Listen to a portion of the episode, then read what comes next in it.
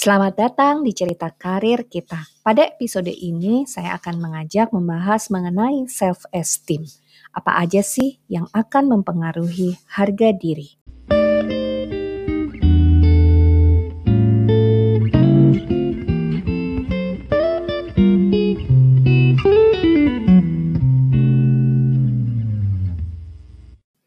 Banyak orang yang menghargai dirinya sendiri, dan mereka menikmati sejumlah manfaat dan keuntungan karena mereka menghargai diri mereka sendiri.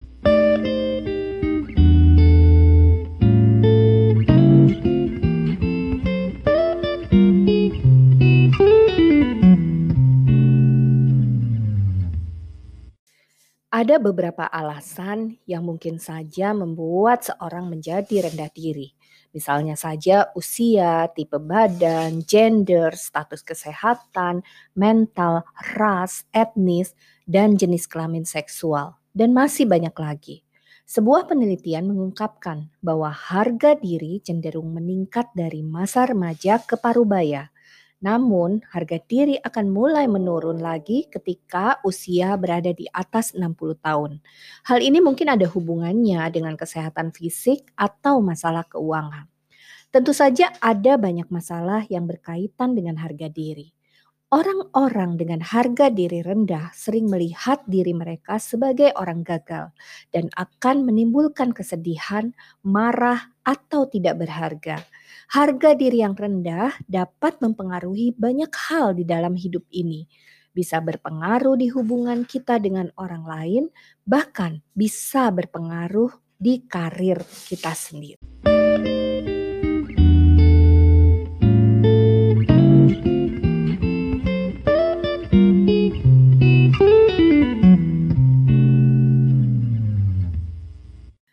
Beberapa contoh di mana harga diri itu rendah adalah membenci diri sendiri atau merasa marah dan frustasi dengan diri Anda.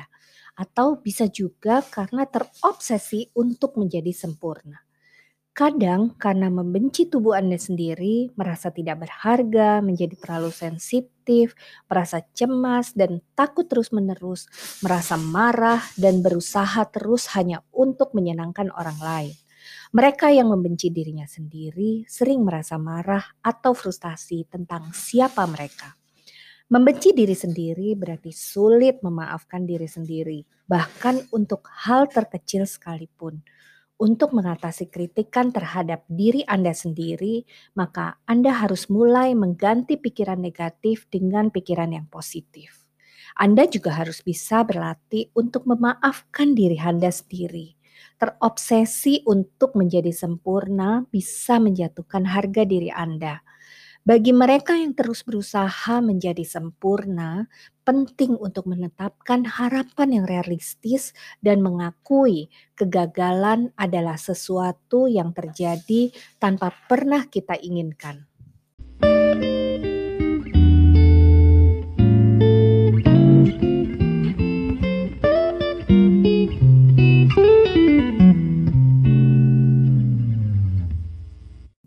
Membenci tubuh Anda adalah salah satu tanda bahwa Anda rendah diri.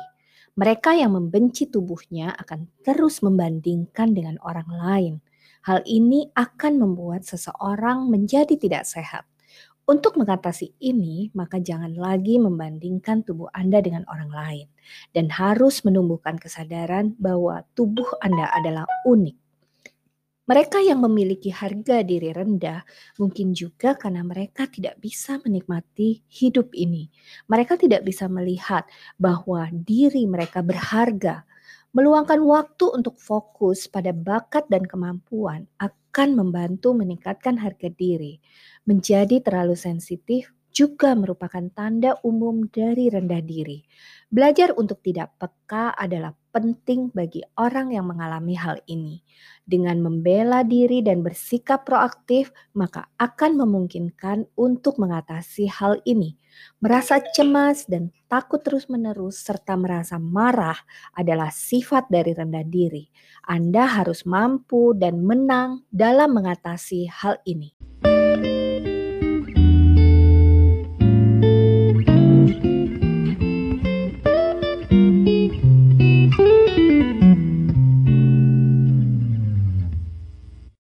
Menjadi orang yang selalu ingin menyenangkan orang lain juga tidak kondusif dan harga diri Anda akan menjadi rendah. Anda harus belajar cara mengatakan tidak dan bisa meluangkan waktu untuk memahami bahwa orang-orang seperti Anda mencintai diri Anda apa adanya.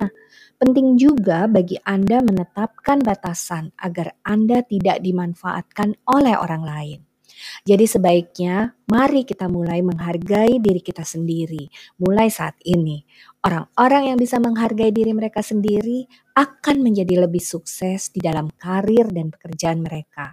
Karena mereka pastinya juga akan bisa lebih menghargai apa yang mereka miliki dengan kerja keras mereka. Terima kasih sudah mendengarkan cerita karir kita. Semoga sukses dan teruslah bersinar.